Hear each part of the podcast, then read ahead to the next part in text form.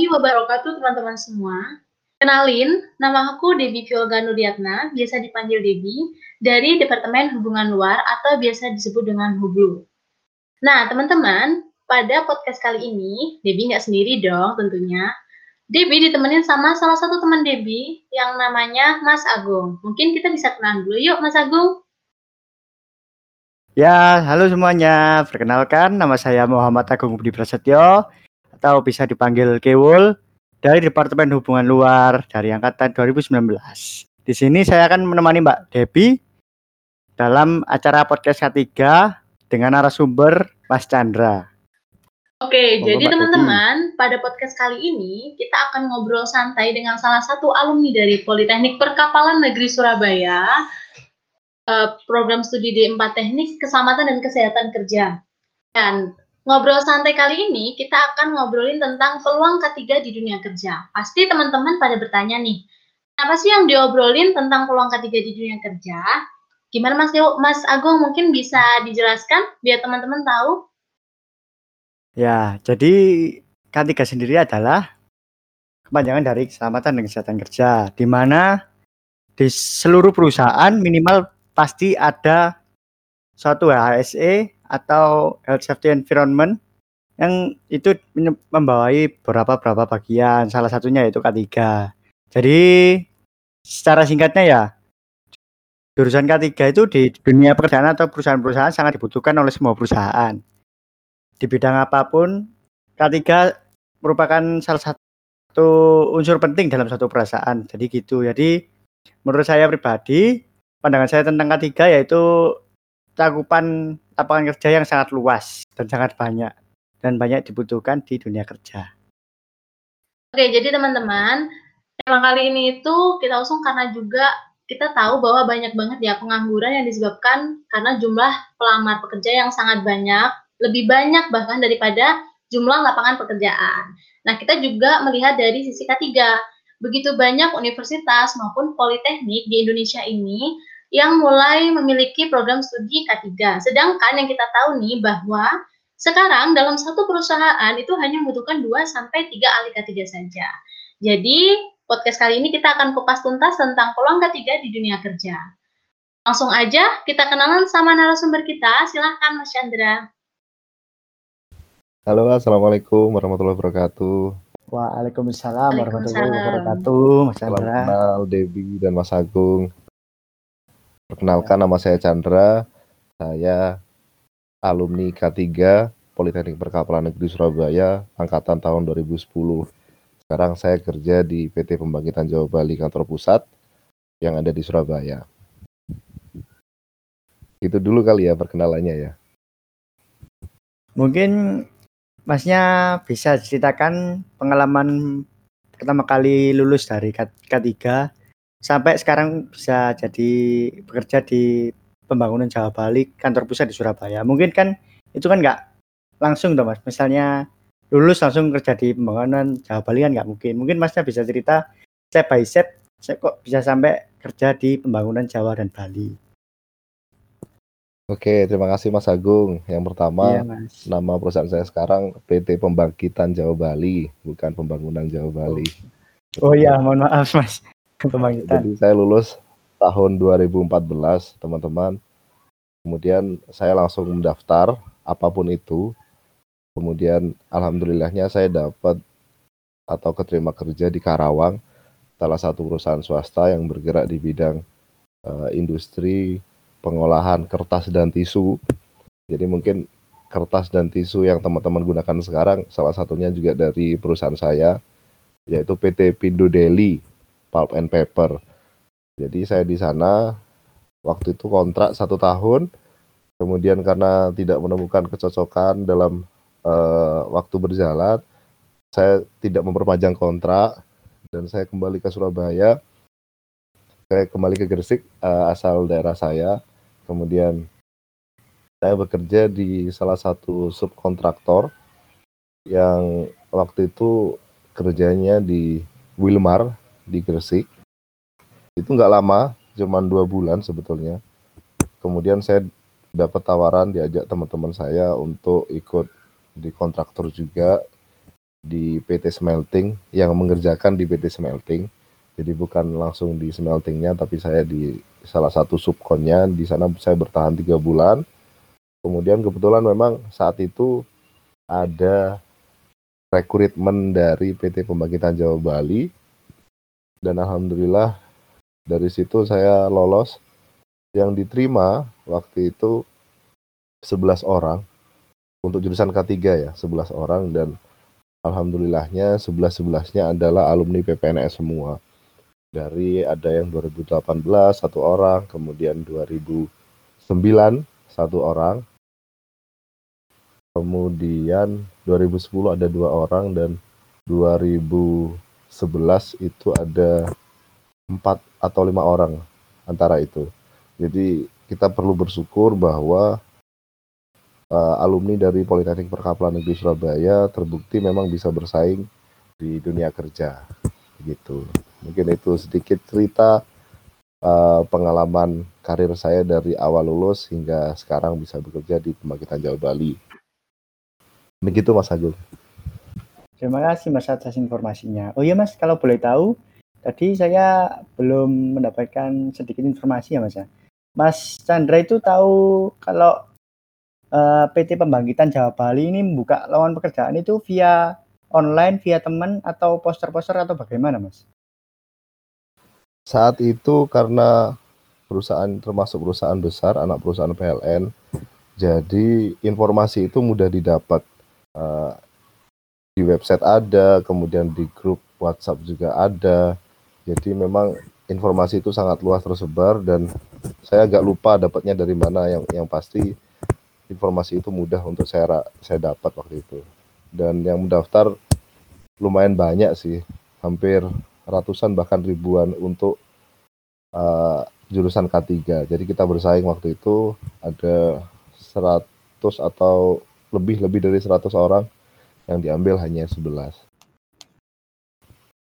begitu Mas Agung dan Mbak Devi siap Mungkin Mbak Devi ada satu yang ingin ditanyakan atau pertanyaan pribadi, kepo-kepo kemasnya mungkin? silakan, silakan. Iya, kepo banget sih pastinya. Apalagi teman-teman yang lagi dengerin podcast, ini pasti pengen tahu nih, Mas.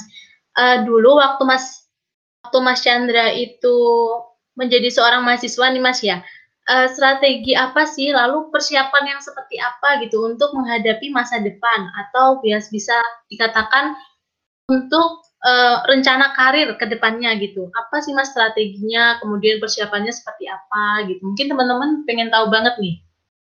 Oke, terima kasih Mbak Debbie. Jadi saya uh, hampir sama ya seperti teman-teman pada umumnya pada saat kuliah ya mayoritas suka yang namanya main kemudian jalan-jalan nonton gitu kan. Tapi di, di sisi lain saya itu juga punya tanggung jawab dalam arti uh, orang tua saya member, memberikan kesempatan saya untuk kuliah. Di sisi lain saya harus uh, mempertanggungjawabkan itu dalam arti nilai akademis juga harus uh, harus bisa baik dalam arti ya meskipun ada yang remedi meskipun pernah juga nilai paling jelek satu sekelas juga pernah. Cuman saya berusaha agar tetap bisa mengikuti dengan optimal kegiatan belajar mengajar. Itu dulu yang yang pertama. Kemudian saya selalu punya prinsip untuk men-challenge diri saya sendiri. Teman-teman pasti ada uh, mungkin semester 3 atau semester 5 gitu kan pasti ada open recruitment organisasi gitu kan. Saya di semester 3 juga gabung di organisasi himpunan, waktu itu menjadi staff apa ya namanya pengembangan masyarakat kalau nggak salah ya. Uh, antara itu jadi staff itu kemudian uh, ada pemilihan untuk uh, mahasiswa yang membacakan safety induction. Waktu itu saya juga terpilih, saya ikut uh, seleksinya dan saya yang dipilih. Kemudian organisasi di semester 5 juga saya aktif. Itu sih sebetulnya saya tidak berpikir sampai sejauh itu. Tapi secara tidak langsung ternyata pengalaman-pengalaman atau hal yang saya lakukan itu berdampak positif. itu baru saya rasakan ya semenjak bekerja ternyata pengalaman organisasi yang saya dulu tidak uh, perkirakan akan sampai seperti ini itu ternyata banyak membantu terutama di skill komunikasi ya. Saya merasa banyak sekali kesempatan yang tidak di, didapatkan oleh teman-teman yang lain. Kesempatan itu didapat pada saat saya mengikuti organisasi saya berhadapan dengan banyak mahasiswa saya berhadapan dengan dosen rektor atau uh, direktur ya kalau di PPNS direktur itu hal yang menjadi biasa dan itu perlu saya kira dimiliki oleh seluruh teman-teman K3 karena kita tahu bahwa K3 itu berhubungan dengan manusia, tidak berhubungan dengan mesin. Jadi skill komunikasi, komunikasi efektif itu sangat penting untuk dimiliki atau dikuasai oleh teman-teman K3 dan salah satunya bisa diraih dari organisasi. Begitu. Oke Mas, jadi ya jadi antara akademik dan non akademik itu benar-benar harus seimbang ya Mas ya. Betul betul. Uh, Oke Mas, selanjutnya nih pengen tahu banget uh, seorang lulusan K3 yang dulu angkatannya Mas Chandra tahun 2000, 2010 dengan yang sekarang kira-kira itu untuk prospek kerjanya atau peluang kerjanya itu apakah berbeda ataukah sama ya Mas? Maksudnya berbeda gimana ya, Mbak Debbie? Jadi gini Mas, uh, untuk lapangan pekerjaan dalam jangka waktu selama ya 2 sampai 4 tahun ke depan. Ini kira-kira itu apakah masih sebesar tahun-tahun sebelumnya peluang buat teman-teman K3 sendiri gitu? Oke, terima kasih. Jadi perlu diketahui bersama bahwa tadi Mbak Debbie juga sempat menjelaskan ya, di suatu perusahaan dari ribuan karyawan mungkin orang ketiganya hanya dua atau tiga. Antara Mas De, uh, Mas Agung atau Mbak Debi tadi sudah menyampaikan seperti itu. Dan itu betul teman-teman. Peluang kerja K3 itu memang banyak. Tapi kalau dibandingkan dengan jurusan yang lain itu jadi sedikit peluang K3 karena dilihat dari porsi di perusahaan pun personel K3 itu juga terbatas. Berbeda dengan teknik mesin atau elektro atau industri yang memang perusahaan itu butuh banyak orang, bisa lebih dari 100, tapi orang K3 di perusahaan terbatas. 10 itu adalah angka yang paling banyak yang dimiliki uh, oleh perusahaan, jumlah orang K3 yang dimiliki oleh perusahaan. Jadi saya kira tetap akan sama. Cuma teman-teman harus tahu bahwa peluang K3 itu terbatas. Sedangkan lulusan tahun demi tahun itu semakin banyak. Kemudian untuk mendapatkan ahli K3 umum tidak harus orang K3. Orang yang dengan bidang background pendidikan yang lain, kursus sendiri pribadi juga dapat ahli K3 umum. Jadi teman-teman memang 3-4 tahun ke depan tantangannya semakin besar dan semakin kompetitif ya kalau saya bilang.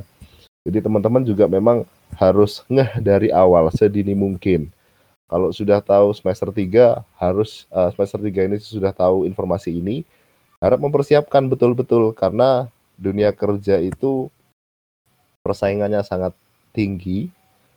Perusahaan pasti akan mencari yang terbaik dari yang terbaik.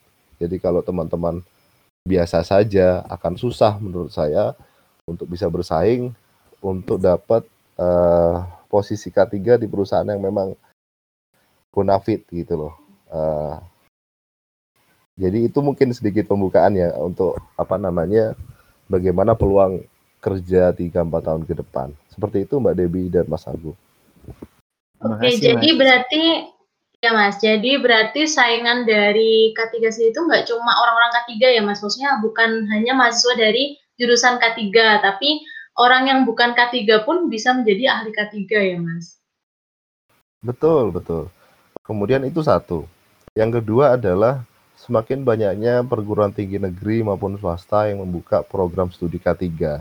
Itu juga menjadi tantangan sendiri karena sebetulnya kita itu juga bersaing atau berkompetisi secara tidak langsung dengan uh, lulusan satu alumni kita, kakak kelas kita gitu kan, yang memang pengen pindah gitu kan. kan nggak semua memang settle di tempat kerjanya. Ada yang memang pengen perbaikan cara uh, pekerjaan gitu kan. Pasti itu juga menjadi saingan di dunia kerja. Nah ini yang menjadi uh, menjadi menarik ya. Teman-teman yang fresh graduate, bagaimana caranya bisa bersaing gitu kan dengan alumni-alumni K3 internal PPNS yang memang secara uh, di atas kertas itu mereka sudah punya pengalaman. Ini teman-teman yang memang harus mempersiapkan sejak dini ya. Meskipun teman-teman bisa dibilang uh, kuliah itu adalah masa-masa paling enak dalam arti misal kita agak lebih bebas gitu kan. Cuman tetap harus punya tanggung jawab. Masa depan saya mau dibawa ke mana dan itu tidak bisa disiapkan satu dua hari. Namun harus dari awal teman-teman harus punya goal minimal bukan kerja saya harus di sini bukan karena itu nggak bisa di itu ya uh, kita kontrol. Kita besok kerja di mana. Minimal target uh, personal goalnya teman-teman harus punya. Di di masa ini ya maksudnya di masa menjadi mahasiswa. Agar nanti cara nggak langsung itu menjadi nilai tambah atau edit value sehingga teman-teman juga bisa bersaing dengan uh, alumni, kemudian dengan teman-teman lulusan dari universitas lain gitu kan. Itu Mas Agung dan Mbak Debi. Baik Mas, terima kasih atas jawabannya Mas. Nah, tadi kan yang bertanya hanya saya dan Mbak Debi ya Mas ya. Ini ada beberapa pertanyaan dari KMK 3 yang dititipkan untuk ditanyakan kepada Mas Chandra yang sudah bekerja Nah, langsung saya bacakan Mas ini pertanyaan. Oke. Okay. Boleh, Oke, boleh, silakan. Siap. Saya bacakan Mas ya. Nah, ini Mas, yang nomor tiga ini banyak saya dengar dari alumni-alumni yang baru lulus. Dalam dunia kerja, selain adanya persaingan kompetisi, asal asal instansi belajar seseorang juga memiliki nilai tersendiri. Berdasarkan yang Mas Chandra rasakan selama bekerja, bagaimana posisi lulusan ketiga PPNS di dunia kerja? Yang katanya, lulusan PPNS itu gampang cari kerja karena punya banyak relasi dengan perusahaan. Terus ada yang bilang, gak usah khawatir kuliah di K3, K3 lo lowongan itu di mana-mana, kamu bisa masuk di mana aja. Jadi gak usah takut kan dapat kerja di kalau kamu kuliah jurusan K3 lah. Statement itu bener apa enggak sih mas, menurut mas sendiri? Oke teman-teman, uh, memang saya sering sekali mendengar statement itu pada saat kuliah, tapi saya harus meluruskan teman-teman bahwa statement itu tidak sepenuhnya betul. Jadi statement yang pertama tadi apa Mas Agung? Ya, statement pertama itu lulusan PPNS gampang cari kerja karena punya banyak relasi dengan perusahaan. Terus yang Oke, itu dulu. Statement kedua, itu dulu. Oh ya, siap. Di statement yang pertama, lulusan PPNS akan mudah cari kerja karena punya relasi yang banyak. Oke, ya, yang betul. punya relasi siapa sebetulnya? relasi itu dibangun oleh individu, bukan uh, apa namanya, bukan dari kampus. Oke, ini harus diluruskan ya. Jadi mungkin relasinya Mas Agung banyak, bisa jadi relasi saya sedikit itu sangat mungkin nggak? Mungkin, mungkin, mungkin, mungkin sekali. Tergantung dari pribadi masing-masing. Apakah dia memang orangnya supel, apakah dia orangnya memang tertutup akan dirinya sendiri, dia tidak mau mengenal alumni gitu kan? itu pilihan masing-masing. Untuk orang-orang yang memang mau membuka diri, kemudian mereka bergaul juga dengan alumni, mereka cari info juga, aktif organisasi, statement itu betul. Tapi kalau digeneralkan, uh, tidak, saya rasa itu kurang pas karena tidak semua orang atau tidak semua mahasiswa itu punya pemikiran yang sama. Kemudian link satu orang dengan yang lain itu pasti beda. Itu dulu Mas Agung. Kemudian statement yang kedua apa? Terus yang kedua itu uh, kayak kamu itu gak usah khawatir masalah kerja kalau kamu lulus uh, jurusan di K3. Setelah kamu lulus pasti banyak perusahaan yang nyari gitu, Mas. Itu statement yang sering saya dengar dari alumni langsung. Oke. Itu dulu ya, dulu sebelum banyak pesaing. Maksudnya dalam arti uh, sekarang kan banyak uh, perusahaan bukan perusahaan sih maksudnya Eh, perguruan tinggi negeri maupun swasta yang memang membuka jurusan K3. Dulu PPNS menjadi satu-satunya perguruan tinggi yang uh, ada jurusan K3 kemudian berbasis teknik. Tapi sekarang saingannya juga makin banyak. Teman-teman jangan terlena dengan statement itu sehingga leha-leha dan tidak memaksimalkan potensi diri maksudnya. Teman-teman jangan terjebak di sana. Karena statement itu kalau kita pahami mentah-mentah itu akan membuat kita males. Tapi saya pengen bilang ke teman-teman semua bahwa persaingan itu nyata, kompetisi itu nyata. Mungkin kalian di sini santai, tapi orang lain di sana mempersiapkan betul-betul masa depan mereka. Kira-kira kalau ada statement seperti ini kan hasil tidak proses tidak mengkhianati hasil kan gitu. Orang di luar sana sudah uh, prepare untuk dunia kerja mereka, mereka investasi uh, dalam arti ilmu, keilmuan, kemudian mereka sungguh-sungguh tidak puas hanya dari materi dosen, mereka cari uh, referensi yang lain. Sedangkan dibandingkan dengan kita yang kita hanya menelan mentah-mentah statement itu, ya pasti akan tumbang kita. Kita nggak akan bisa bersaing. Teman-teman pernah dengar juga nggak dari alumni ya eh, bahwa materi di kampus itu nggak kepake misalnya atau materi dari kampus itu uh, masih sedikit nggak ada apa-apanya di dunia kerja. Dan itu memang ada betulnya juga bahwa ilmu itu tidak terbatas dari dosen kalian saja. Ilmu tidak terbatas dari buku yang kalian baca di kampus saja.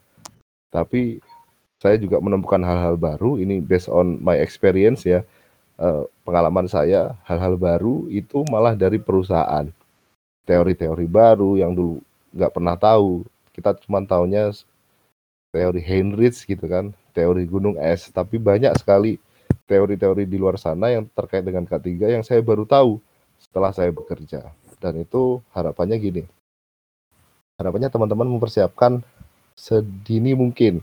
Kalau teman-teman semester 3 semester 5 semester 9 pun siapkanlah itu. Tidak ada kata terlambat ya teman-teman. Masih ada waktu agar kita bisa mengejar ketertinggalan.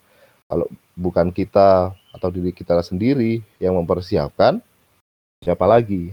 Karena ternyata banyak dari lulusan K3 PPNS juga selain banyak wanitanya ya dalam arti wanita itu mungkin ada pertimbangan lain ya mungkin akan bekerja atau berkarir di K3 atau ada juga yang memang menjadi ibu, rumah tangga atau memilih pekerjaan di bidang lainnya di luar K3 itu banyak.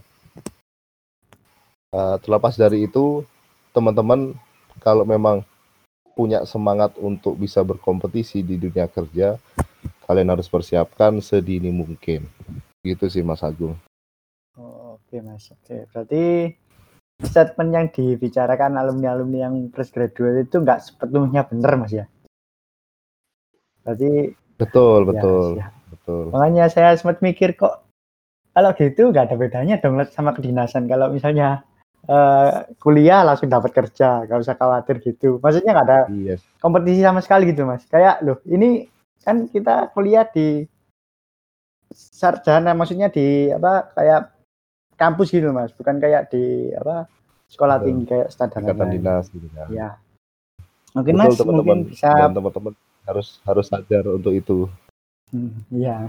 Sedini mungkin. Siap siap. Masih Mas ya atas penjelasannya tadi. Soalnya itu juga banyak membingungkan maba-maba seperti saya Mas. Kaget seperti seperti Oke, okay, saya juga waktu itu juga bingung. Oke, mungkin bisa next ke pertanyaan selanjutnya ya Mas ya. Nah, boleh. Manakah yang memiliki peluang lebih besar untuk mendapatkan posisi di dunia kerja? Apakah cukup lulusan di 4 dengan dibekali sertifikasi keahlian-keahlian khusus? Ataukah seseorang yang melanjutkan studi S2 dengan minim sertifikasi keahlian yang diikutinya. Oke, jadi sebetulnya itu nggak bisa dibandingkan ya mas, karena uh, S1 K3 atau D4 K3 kita harus pahami dulu uh, peluangnya terbatas. Dalam arti kalau dibandingkan dengan jurusan-jurusan lain ya. Lowongan K3 itu sedikit sekali kalau dibandingkan dengan lowongan teknik mesin, teknik industri dan teknik yang lain. Itu sangat sedikit. Apalagi perusahaan yang memang mau berinvestasi mencari personel K3 dengan standar yang tinggi, biasanya S2 gitu kan. Itu juga makin sedikit teman-teman. Kemudian tadi apakah kita cukup dengan fresh graduate dengan mengandalkan ahli K3 umum dengan beberapa sertifikasi lain dan itu saya saya kira wajib teman-teman. Saya bilang itu wajib karena itu adalah salah satu edit value atau nilai lebih dari teman-teman. Apa itu? Selain saya punya ahli K3 umum gitu kan misal ya. Saya juga punya auditor SMK 3 misal. Atau saya juga punya ahli K3 listrik. Saya juga punya ahli K3 pertambangan sertifikasi gitu kan. Kira-kira kalau di mindset perusahaan, coba bayangkan posisi kalian adalah di perusahaan.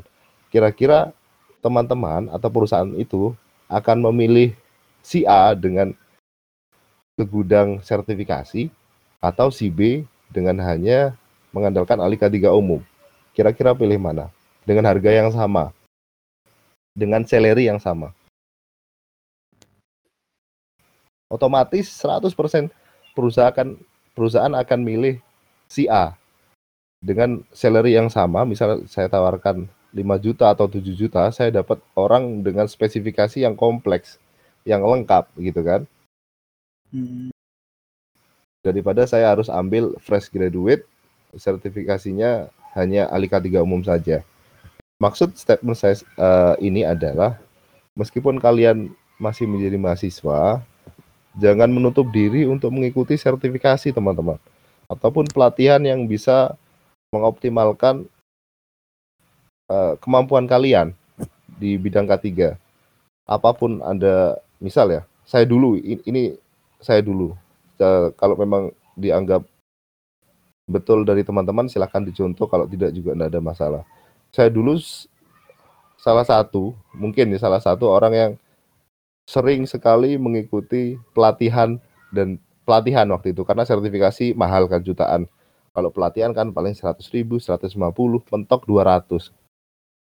Saya adalah orang yang paling rajin, termasuk orang yang paling rajin untuk ikut pelatihan karena uh, menurut saya yaitu adalah edit value itu adalah nilai tambah saya itu akan melengkapi atau memperkaya kurikulum VT saya atau CV saya. Sehingga perusahaan akan memilih orang yang punya spesifikasi yang lengkap daripada orang yang memiliki uh, sertifikat lebih sedikit. Itu menurut saya. Gitu Mas Agung. Oh, oke okay, Mas baiklah mas penjelasannya. Berarti intinya uh, kalau bisa misalnya ada pelatihan ikutin aja ya mas ya. Pelatihan uh, Betul. itu silakan berpartisipasi kalau teman-teman punya uang atau orang tua kalian punya kemampuan lebih ikut sertifikasi saran saya hmm. itu mandiri mandiri tidak menunggu dari kampus dan itu harus ya. disadari karena ini teman-teman ini kompetisi ya uh, jangan bangga lulus lulus tapi dalam waktu sekian bulan nggak dapat kerja itu jangan bangga teman-teman. Banggalah sebelum lulus kalian diterima kerja misal ya. Atau nggak lama setelah lulus kalian harus punya target teman-teman. Punya target saya nggak boleh lama nganggur gitu kan. Ya. Uh, euforia wisuda itu harus ada batasnya. Misal saya dulu dua minggu pertama sebelum wisuda saya sudah sebar CV sebanyak mungkin. Kalau mungkin saya ingat mungkin ada 50 perusahaan butuh nggak butuh K3 saya kirim CV sama surat lamaran. Dari situ dua minggu setelahnya baru ada satu, dua, tiga perusahaan yang memang tertarik dengan CV saya.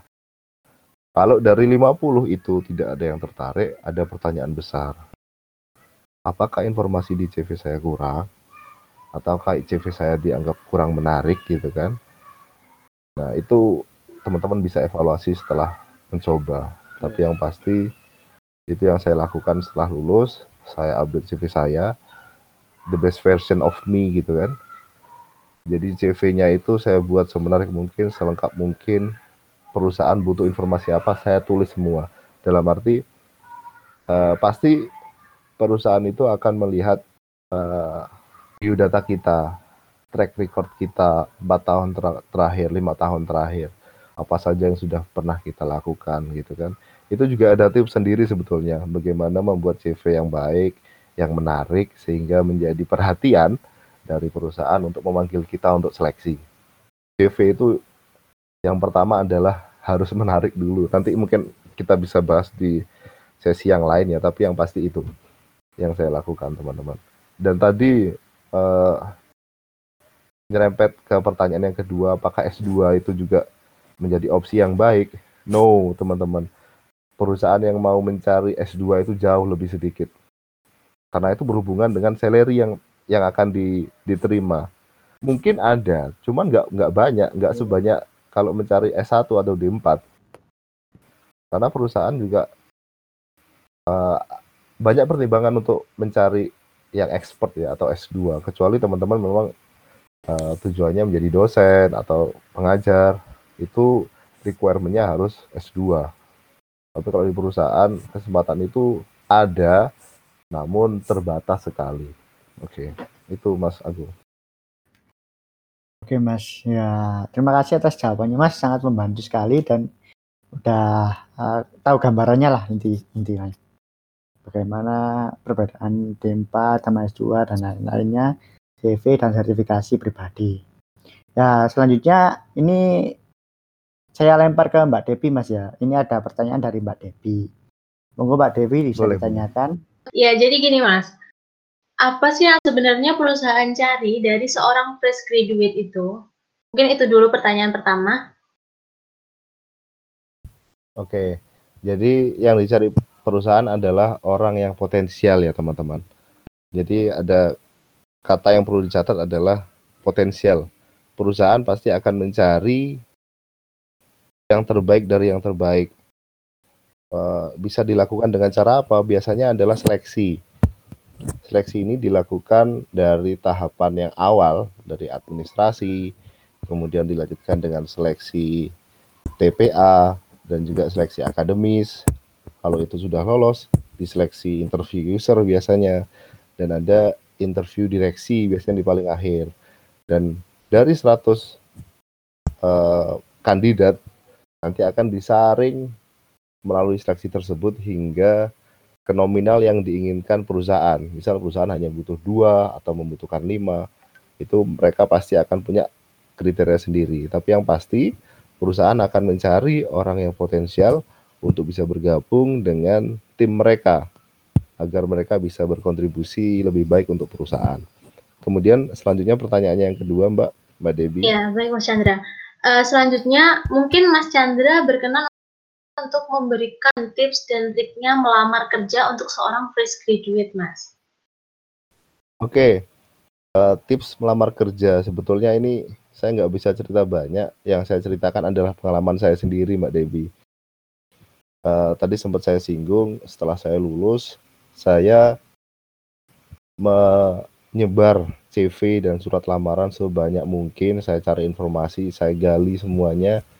Saya tuangkan di CV saya saya baguskan gitu dalam arti saya lengkapkan. Bisa jadi itu adalah cerminan dari diri saya. Karena user dari perusahaan itu biasanya tidak mengen tidak mengenal kita. Bagaimana cara mereka mengenal kita? Ya dengan membaca CV kita atau kurikulum vitae kita. Itu menjadi cerminan bagaimana pribadi kita, pengalaman apa yang dimiliki, kemudian uh, sertifikasi dan pelatihan apa yang sudah dimiliki. Harapannya itu menjadi modal. Menjadi modal kita menjadi orang yang dianggap potensial itu dulu dari situ update CV disebar ke seluruh ke banyak perusahaan. Tinggal kita ikuti saja alurnya. Pasti dari kalau saya kemarin ya, kalau saya dulu itu pasti dari 50 lamaran itu pasti ada satu dua tiga yang nyantol. Nggak mungkin nggak. Pasti ada yang nelpon Pak Chandra betul gitu kan sudah dapat kerja kita mau ada panggilan tes kapan waktunya gitu kan itu kita lalui saja. Dan saran saya, kita jangan terlalu pemilih ya teman-teman. fresh graduate itu prinsip dari orang tua saya adalah kamu itu belajar, belajar kerja gitu kan, belajar kerja tapi dibayar. Nah, itu. Berapapun bayarannya terima dulu. Kalau saya dulu seperti itu. Prinsip saya adalah siapa pun perusahaan, perusahaan mana pun yang memilih saya, yang mempercayakan saya sebagai timnya, itu saya akan ambil dulu. Nggak peduli perusahaan kecil, perusahaan besar, bodoh amat. Yang penting saya punya kerja dan status pengangguran itu jauh dari saya. Kalau saya dulu seperti itu. Masalah pindah-pindah, nggak ada masalah kalau saya pribadi. Tinggal orang hidup kan cari yang terbaik. Kalau mau, kalau merasa di perusahaan ini tidak memberikan uh, kesejahteraan bagi saya dan keluarga saya misalnya, dan saya punya peluang untuk bisa survive di luar sana, ya saya resign. Itu saja prinsip saya.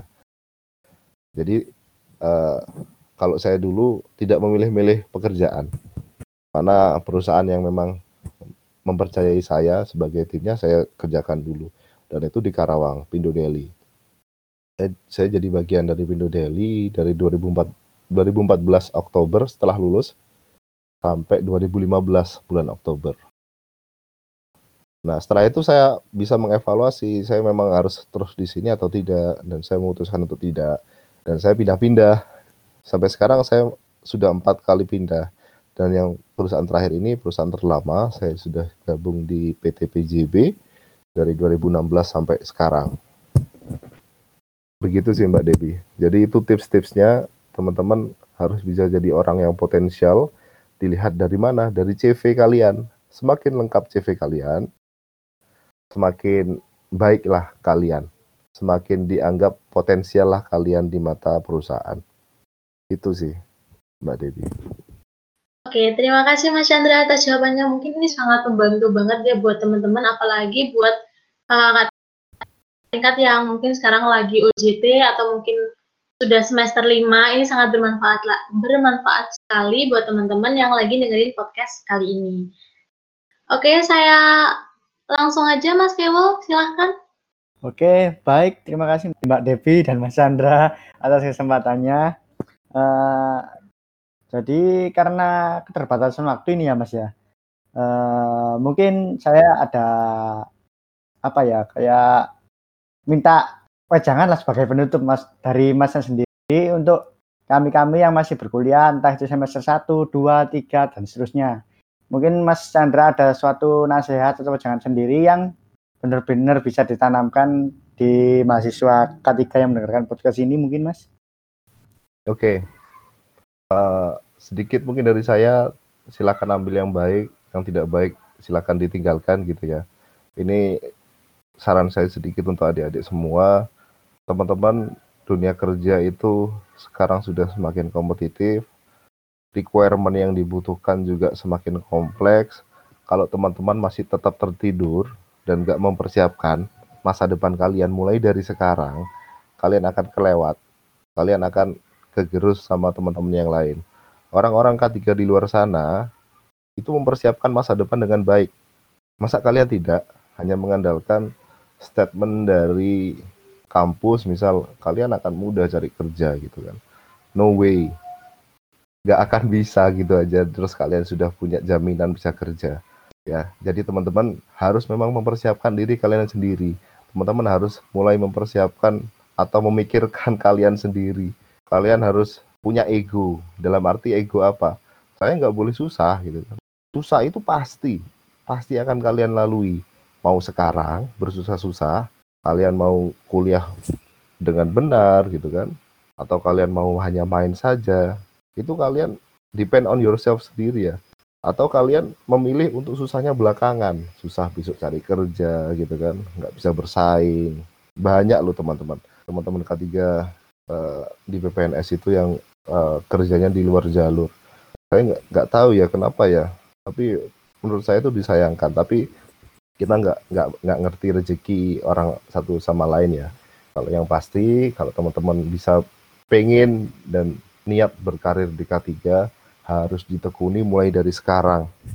Investasi leher ke atas. Maksudnya apa? Ikuti seminar, ikuti sertifikasi yang memang meningkatkan kompetensi teman-teman dan skill teman-teman.